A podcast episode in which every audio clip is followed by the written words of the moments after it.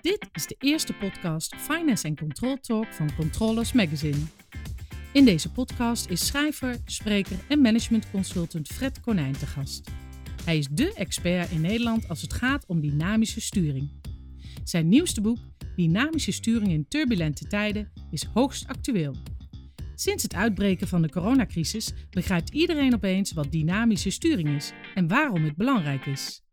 In zijn boek geeft hij antwoord op vragen als: hoe stel ik medewerkers in staat snel en slagvaardig te acteren?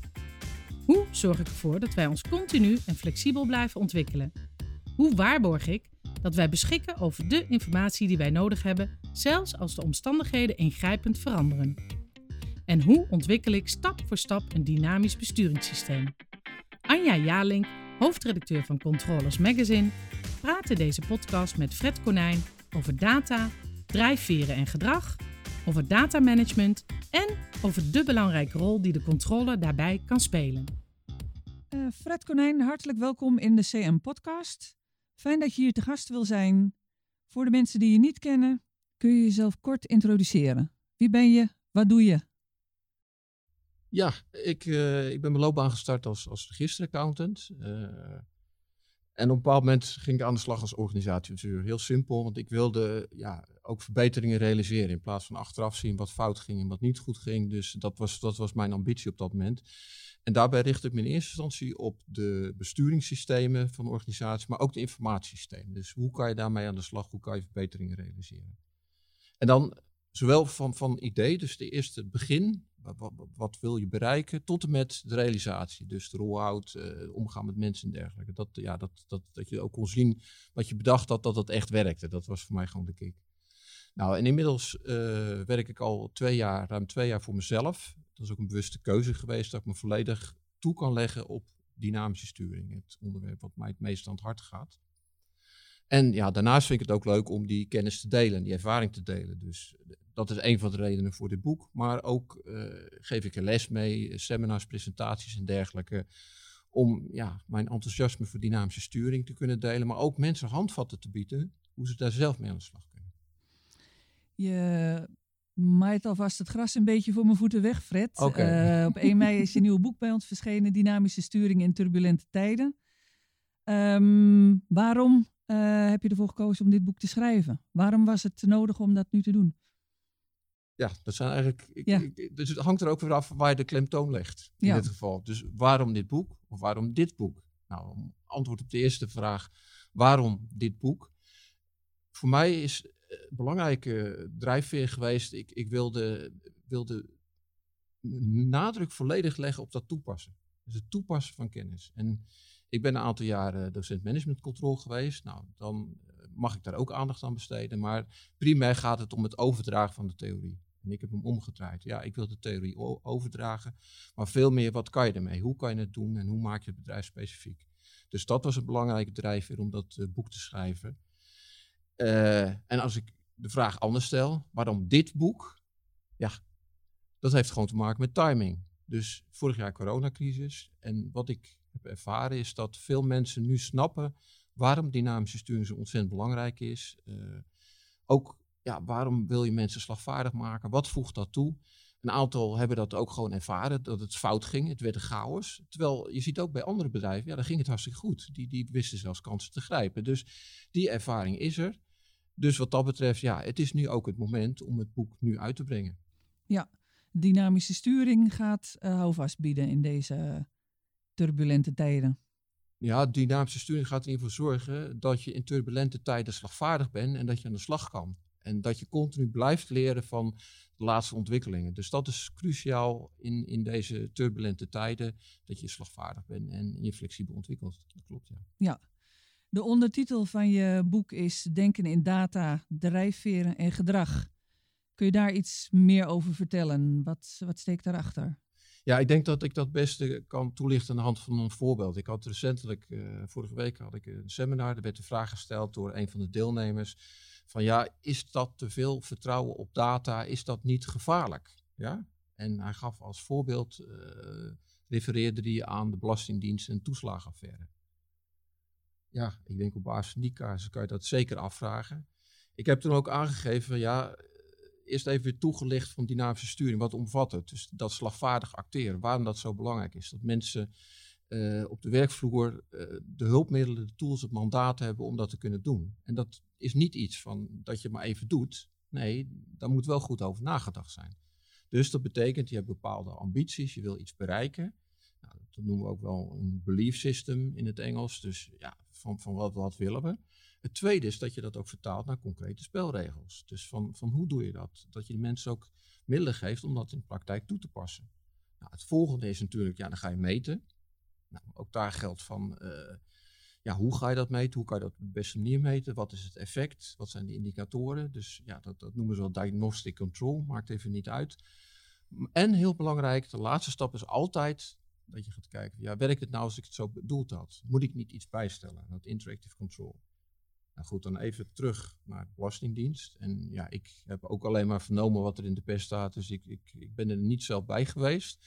Maar er zijn wel een aantal redenen waarom je al van tevoren ziet dat, er, dat, dat er problemen zijn.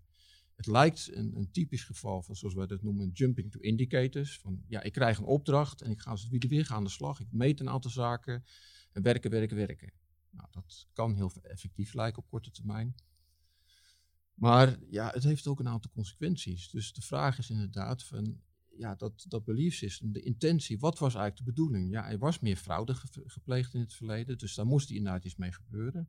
Maar wat je wel vaak ziet bij zulke soort organisaties, is dat ze gewoon doorslaan. Dat een soort uh, ja, pendule-effect van het management wil dat er iets meer aandacht aan fraude en ze schieten gewoon gigantisch door. Dus ik ga fraude, fraude, fraude. Ja, dan zegt management als je ernaar vraagt, ja, dat was niet mijn bedoeling. Dus dat belief system klopt niet. Nou, het tweede is inderdaad met spelregels. Dan heb je de juiste spelregels. Nou, dat was heel moeilijk, want die wet is gewoon heel complex. Uh, om dat te operationaliseren. Dus wat dat betreft, uh, ja, ook daar denk ik dat er, dat er gewoon geen duidelijke spelregels zijn. Hoe gaan we dat in praktijk brengen? Ja, de volgende stap weer dat meten. Ja, het bleek ook dat als je ergens uh, iets in één celletje niet ingevuld had, dat je dan gelijk als fraudeur werd aangemerkt. Ja, sorry, dat, dat, dan meet je niet het goede en dat leidt tot ongewenst gedrag. Maar het allerbelangrijkste is inderdaad het interactive control system. Er was blijkbaar niet duidelijk signalen van ja, wat komt er nou uit? Voldoet dat aan onze behoeften? Gaat dat zoals we willen? En sterker nog, uh, je hoort zelfs geluiden dat, dat, dat dingen verzwegen werden, dat ze niet naar boven kwamen. Er nu een bepaald onderzoek te zijn naar bepaalde mailtjes die verdwenen zijn. Nou, dat is, ja, dan gaat het fout. Dus ik wil niet zeggen met dynamische sturing dat alles dan in één keer perfect gaat. Dat is pure onzin. Maar wat er wel gebeurt is dat je goed doordenkt wat zijn de stappen, wat is het effect, wat is het gewenst gedrag. Dat is één. En het tweede is dat je gewoon periodiek nagaat, werkt het zoals ik het bedoeld had. Ja, ja. helder. In je boek komt de rol van de controller in een apart hoofdstuk ook uitgebreid aan bod. Um, Fred, kun je daar iets meer over vertellen? Waarom is er voor die controller juist zo'n belangrijke rol weggelegd? Ja, de, de aanleiding is dat het boek is eigenlijk bedoeld voor denkers en doeners. Allebei. Dan zal ik even vragen, waar zit de controle? Maar dat zal ik straks vertellen. Eerst eventjes. Kijk, het begint met managers.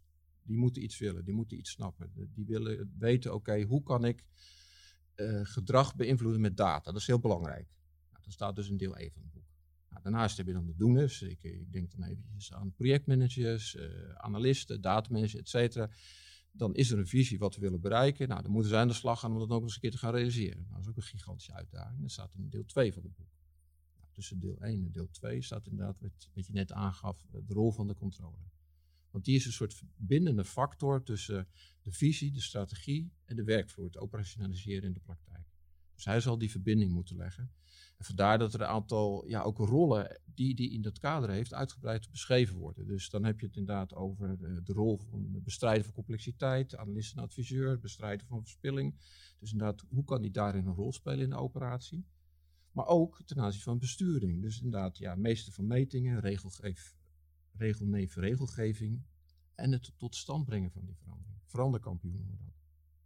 Maar goed, dat is alleen maar in de operatie dat hij helpt, dat hij dat die bijstuurt, zeg maar. Maar veel belangrijker nog, dat is die rol van regisseur dynamische sturing. En die wordt uitgebreid toegelicht, omdat hij vanuit die rol gaat kijken van wat hebben we eigenlijk nodig vanuit de organisatie, hoe kunnen we dat op een praktische manier realiseren. En hij helpt het management daarbij. Ik denk dat dat cruciaal is. Want er wordt wel en dat is ook zo, hij is de eigenaar van het besturingsmodel, het model. Maar om het een succes te maken gaat het om het management. En ik trek wel eens de parallel met inderdaad de rol van de regisseur in een film. Die heeft een cruciale rol, heel veel impact. Maar de sterren is het management. Die moeten ja, glitteren. Die staan inderdaad op de bühne. Die vertonen dat leiderschap. En hij zorgt gewoon dat zij succesvol zijn. Dus dat is inderdaad de rol van de controle die cruciaal is. Ja. Een extra hoofdstuk is er voor het managen van data. Uh, de hoeveelheid data in en rond de bedrijfsvoering neemt toe. En daarmee ook de behoefte om op een effectieve en efficiënte manier daar gebruik van te maken. Hoe beter een organisatie in staat is om data op een goede manier te gebruiken, hoe groter de voordelen die je ermee kan behalen. Fred, wat is goed datamanagement?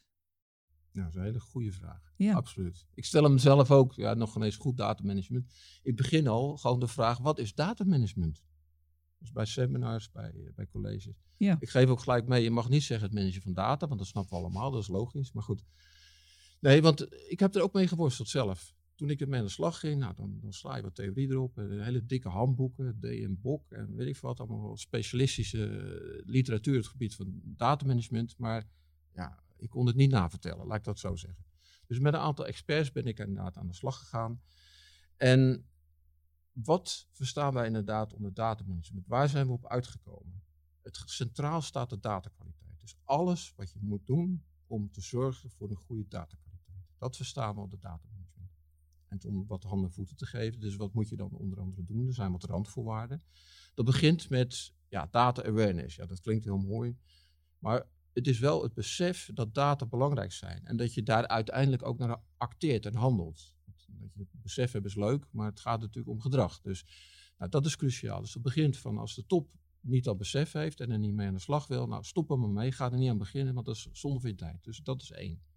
Nou, tweede, data governance. Dus inderdaad, structuur, overleg, uh, budget beschikbaar stellen, datadefinities. Kijk, dat, dat zijn allemaal dingen die moet je centraal gaan regelen en onderdeel maken van de besturing. Je moet niet dat één ja, figuur dat voor zichzelf gaat uitzoeken en dan ander weer ook voor zichzelf. Nou, dat kost allemaal veel te veel tijd en energie.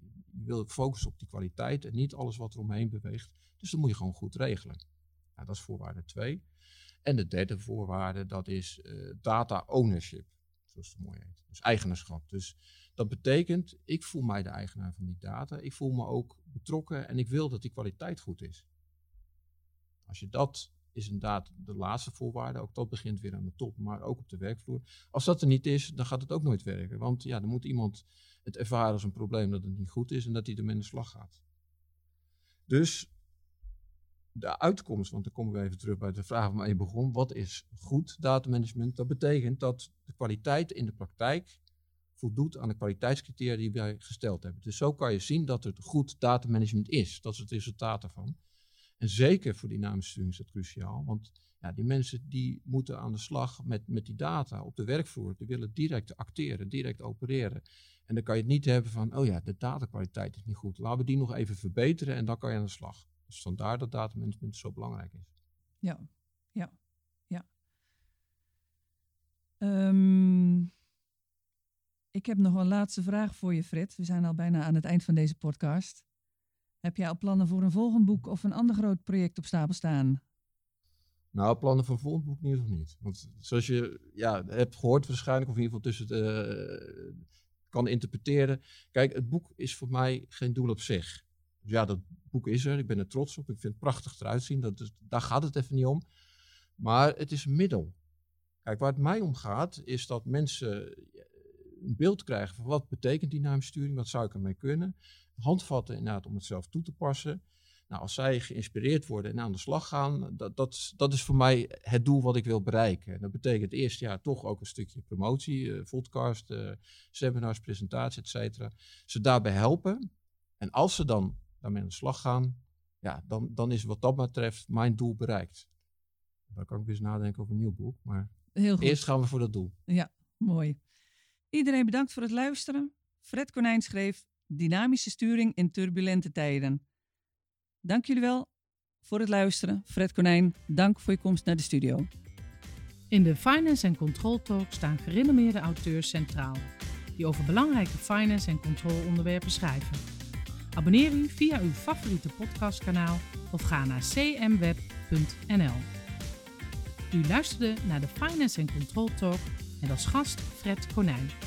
Zijn boek heet Dynamische sturing in turbulente tijden en is nu verkrijgbaar in de boekhandel.